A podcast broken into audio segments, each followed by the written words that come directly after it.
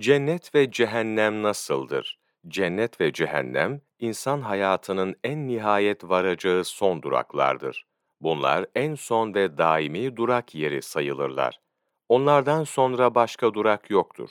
Cennet, orası manevi bir mükafat alemidir. Orası muvahhidlerin yurdudur. İman edip salih amel işleyenlerin, Allahu Teala'dan korkup layıkıyla ona kul olanların, verdikleri ahitlerde sebat edenlerin, onun yolunda nefisleriyle ve mallarıyla cihat edenlerin yeridir. Tevhid akidesine sımsıkı sarılıp, onu nefsine ve hayatına hakim kılmak için üzerine düşen görevi yerine getiren Allahu Teala askerlerinin durağıdır cennet. Gerçek yerini ancak Allahu Teala'nın bildiği ebedi olan cennet, beşer aklının alamayacağı nimetlerle doludur. İçinde akan nehirleri, ağaç ve meyveleri, yiyecek ve içecekleri, elbise ve hilatlar, huriler ve hayal edebildikleri her nimete nail olacaklardır. Bilhassa Allahu Teala'ya zamansız ve mekansız, zaman zaman görmek şerefine erişecek olan müminler, bu nimetlerin verdiği sonsuz zevkle, cennetin diğer bütün nimetlerini unutacaklardır.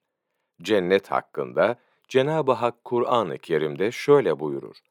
Allah Celle Celaluhu, onlara ağaçları altlarından nehirler akan cennetler hazırladı. İçlerinde ebedi olarak kalacaklar. Cehennemse manevi bir ceza alemidir. Kafir, günahkar ve asi kulların yurdudur.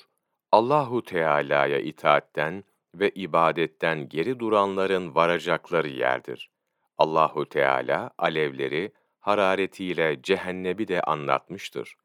Günahkarların kalplerine korku saçan, Allah ve Resulüne karşı gelip büyüklük taslayan, isyan eden zalimlerin bu durumlarını terk etmeleri için onları dehşete düşüren cehennem azabı Kur'an-ı Kerim'de açıklanmıştır.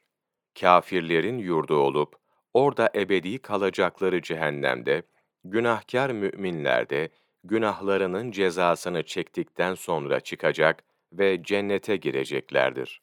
Cehennem hakkında Cenab-ı Hak Kur'an-ı Kerim'de şöyle buyurur: Şu gerçeği bilmiyorlar mı ki kim Allah'a ve Resulüne karşı hududu aşarsa içinde ebedi olarak kalmak üzere ona cehennem ateşi vardır. Mehmet Çağlayan, Ehli Sünnet ve Akaidi, sayfa 263, 17 Kasım Mevlana takvimi